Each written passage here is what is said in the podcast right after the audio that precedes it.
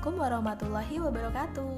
Halo, ketemu lagi via suara. Kali ini di episode Poin Fokus Mendongkrak Nilai Sakit Part 2 Kita lanjutin podcast sebelumnya tentang komponen sakit ya.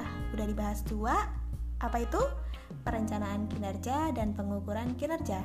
Bener Kali ini kita bahas tiga komponen sisanya Komponen yang ketiga tentang pelaporan kinerja. Di sini ada pemenuhan pelaporan, ada penyajian informasi kinerja, dan pemanfaatan informasi kinerja.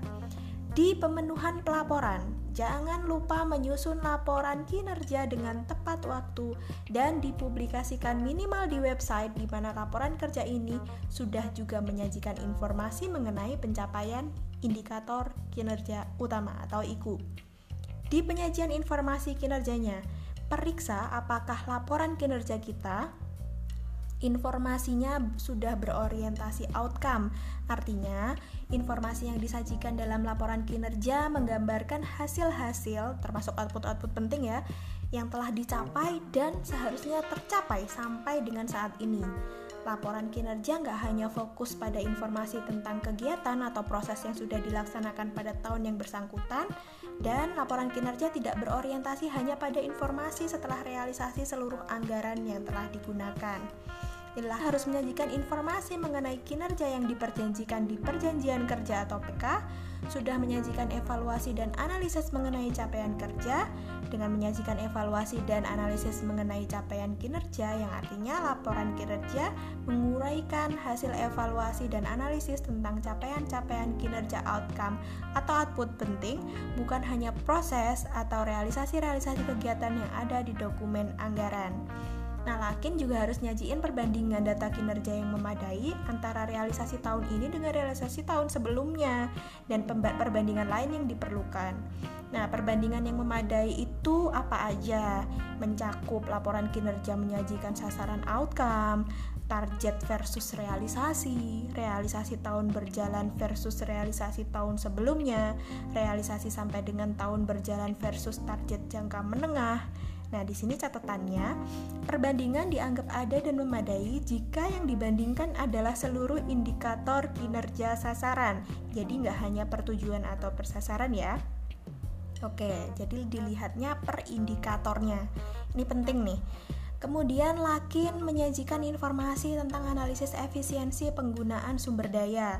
Kriteria penilaiannya ada A, B, C, dan D.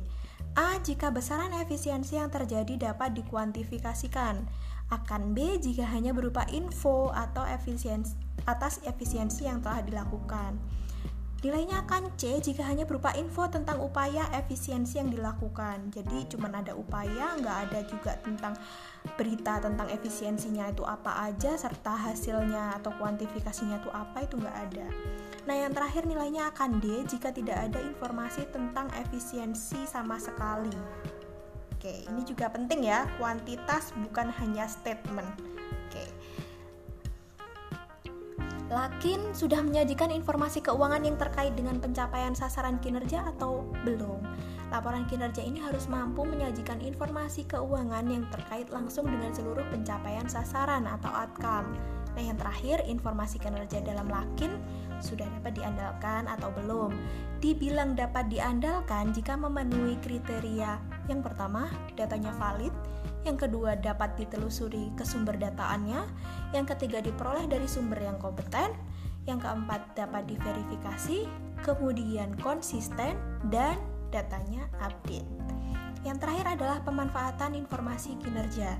Informasi kinerja udah digunakan dalam pelaksanaan evaluasi kinerja. Artinya, informasi kerja dalam Lakin dapat dimanfaatkan untuk evaluasi sakit. Lalu, informasi yang disajikan telah digunakan untuk menilai dan memperbaiki pelaksanaan kegiatan organisasi.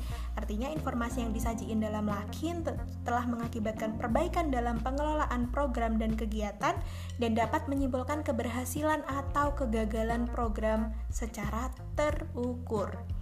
Lalu udah digunakan untuk peningkatan kinerja di mana terdapat bukti yang cukup bahwa informasi dalam Lakin udah digunakan untuk perbaikan capaian kinerja organisasi yang lebih baik di periode yang akan datang.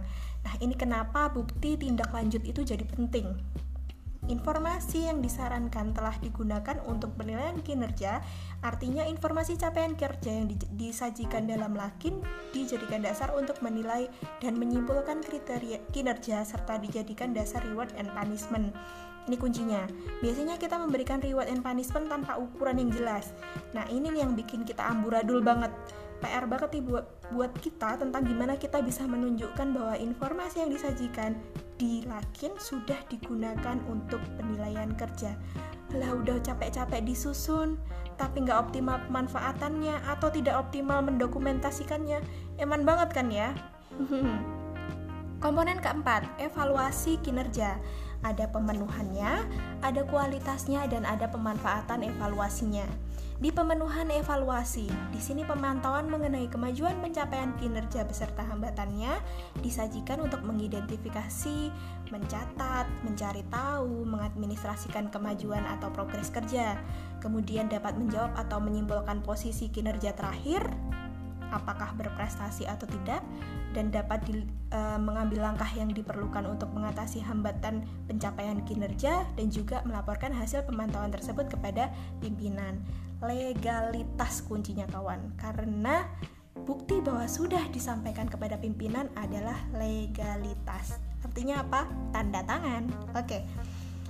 Rencana aksi telah dievaluasi dengan kriteria terdapat informasi tentang capaian hasil-hasil rencana atau agenda, terdapat simpulan keberhasilan atau ketidakberhasilan rencana atau agenda, terdapat analisis atau simpulan tentang kondisi sebelum dan sesudah dilaksanakannya suatu rencana atau agenda, terdapat ukuran yang memadai tentang keberhasilan rencana atau agenda. Kuncinya ada notulen yang memadai ada legalitasnya dan tentu saja statement atas berhasil atau tidak. Ini penting. Lalu hasil evaluasi berupa notulen yang berisi kendala dan solusi juga sudah disampaikan dan dibahas dengan pihak yang dievaluasi atau yang berkepentingan dan udah ada kesepakatan dengan pihak yang terkait langsung dengan temuan hasil evaluasi untuk menindaklanjuti rekomendasi hasil evaluasi tersebut. Kesepakatan tersebut secara formal menjelaskan siapa dan kapan batas waktu rekomendasi akan ditindaklanjuti. Oke, jadi ada siapa, ada sampai kapan, itu dia. Kualitas evaluasi. Evaluasi kinerja dilaksanakan oleh sumber daya manusia yang berkompeten. Itu kuncinya. Ayo dipikirin gimana agar petugas pengelola data kinerjanya semuanya mempunyai kompetensi yang bisa dibuktikan. Kalau kami contohnya dengan mengikut sertakan dalam workshop, perbinaan, briefing berkala, internalisasi rutin, medianya ya terserah. Jangan lupa juga state bahwa penilaian atas seluruh aksi yang dilaksanakan dan alternatif yang diberikan itu ada di notulensi berisi kendala dan solusi setiap indikator kinerja sasaran. Terakhir, pastiin hasil evaluasi rencana aksi telah menunjukkan perbaikan di setiap periodenya. Yang terakhir, pemanfaatan evaluasinya. Hasil evaluasi kinerja telah ditindaklanjuti untuk perbaikan penerapan manajemen kinerja. Lalu capaian kinerja digunakan atau dimanfaatkan untuk mengukur keberhasilan maupun kegagalan unit kerjanya dan juga sebagai dasar, dasar reward and punishment ya. Kemudian hasil evaluasi rencana aksi setelah ditindaklanjuti dalam bentuk langkah-langkah nyata. Nah, nyatanya di sini artinya apa? Artinya terdokumentasi. Oke? Okay? Terakhir, komponen sakit yang terakhir atau yang kelima yaitu pencapaian sasaran kinerja organisasi. Ada meliputi kinerja yang dilaporkan, Kemudian ada kinerja lainnya. Di kinerja yang dilaporkan, bila indikator kinerja sasaran udah mengacu pada IQ 100% SMART dan rata-rata capaian kinerja dalam FRA tahun berjalan lebih dari 110, nah kuncinya 110 ya. 110. 110, oke? Okay? Capaian kinerja harus lebih baik dari tahun sebelumnya. Apabila indikator kinerja sasaran telah mengacu pada IQ 100% SMART dan apabila udah lebih dari 120% rata-rata capaian kinerja dalam FRA triwulan 1 tahun berjalan melebihi capaian kinerja triwulan 1 tahun sebelumnya. Notice? Ya catat lagi Terakhir, informasi mengenai kinerja dapat diandalkan apabila indikator kinerja sasaran telah mengacu pada IQ 100% SMART dan apabila 100% capaian outcome dalam FRA triwulan 1 tahun berjalan memenuhi kriteria sebagaimana yang sudah ditetapkan. Nah, untuk kinerja yang dilaporkan, dicek apakah target bisa tercapai, capaian apakah sudah lebih baik dari tahun sebelumnya, dan apakah handal. Sama ya. Kemudian ada Kinerja lainnya akan dapat nilai tinggi jika BPS Kabupaten Kota memperoleh predikat WBK atau WBBM dari Kemenpan atau memperoleh predikat WB, WBBM dari internal BPS di tahun berjalan penilaian. Ini kenapa Sakib dan ZI itu kayak kembar siam. Lalu, apakah BPS Kabupaten Kota akan peroleh penghargaan perlombaan inovasi menurut Kominfo atau masuk top 99? Nah, ini ikut perlombaan inovasi itu penting ya. Pokoknya ikut aja. Ya tentu harus ada inovasi yang mau diikutkan lombanya. Terakhir, apakah ada sertifikat penghargaan dan bukti penghargaan lainnya dalam kurun waktu bulan Mei tahun lalu sampai dengan Mei tahun berjalan. Kriteria penilaian dia akan A apabila memperoleh penghargaan lainnya dari eksternal BPS tingkat nasional atau memperoleh lebih dari dua penghargaan lainnya dari eksternal BPS tingkat provinsi kabupaten kota dan memperoleh lebih dari satu penghargaan lainnya dari internal BPS RI. Dia nilainya akan B kalau memperoleh satu penghargaan lainnya dari eksternal BPS tingkat B provinsi kabupaten kota dan memperoleh lebih dari satu penghargaan lainnya dari internal BPS RI atau memperoleh satu penghargaan lainnya dari eksternal BPS tingkat BPS kabupaten provinsi kabupaten kota atau memperoleh empat penghargaan lainnya dari internal BPS provinsi.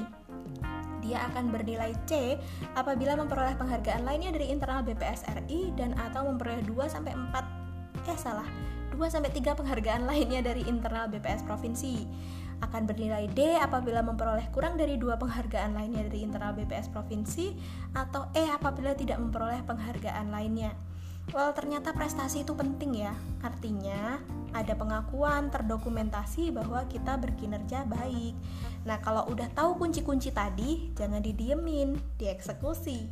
Kita perbaiki yang salah, kita lengkapi yang kurang, tajamkan yang udah ada, dan jangan malas mendokumentasikan hal-hal kecil, karena dari hal-hal kecil itu akhirnya terkumpul dalam jumlah besar. And finally, I have to say goodbye dari episode kali ini. Panjang lagi podcastnya ya, semoga gak ngebosenin. Lain kali kita ketemu lagi, tentunya bareng podcast Kicau Kenari. Lat. Oke, okay, salah sampean ngomongnya. Last but not least, selalu ya, kami percaya bahwa nggak ada yang bisa diselesaikan dengan baik sendirian. Jadi bagi kami BPS Kota Blitar, teamwork is indeed needed. Dadah bye-bye, see you in the next episode. Wassalamualaikum warahmatullahi wabarakatuh.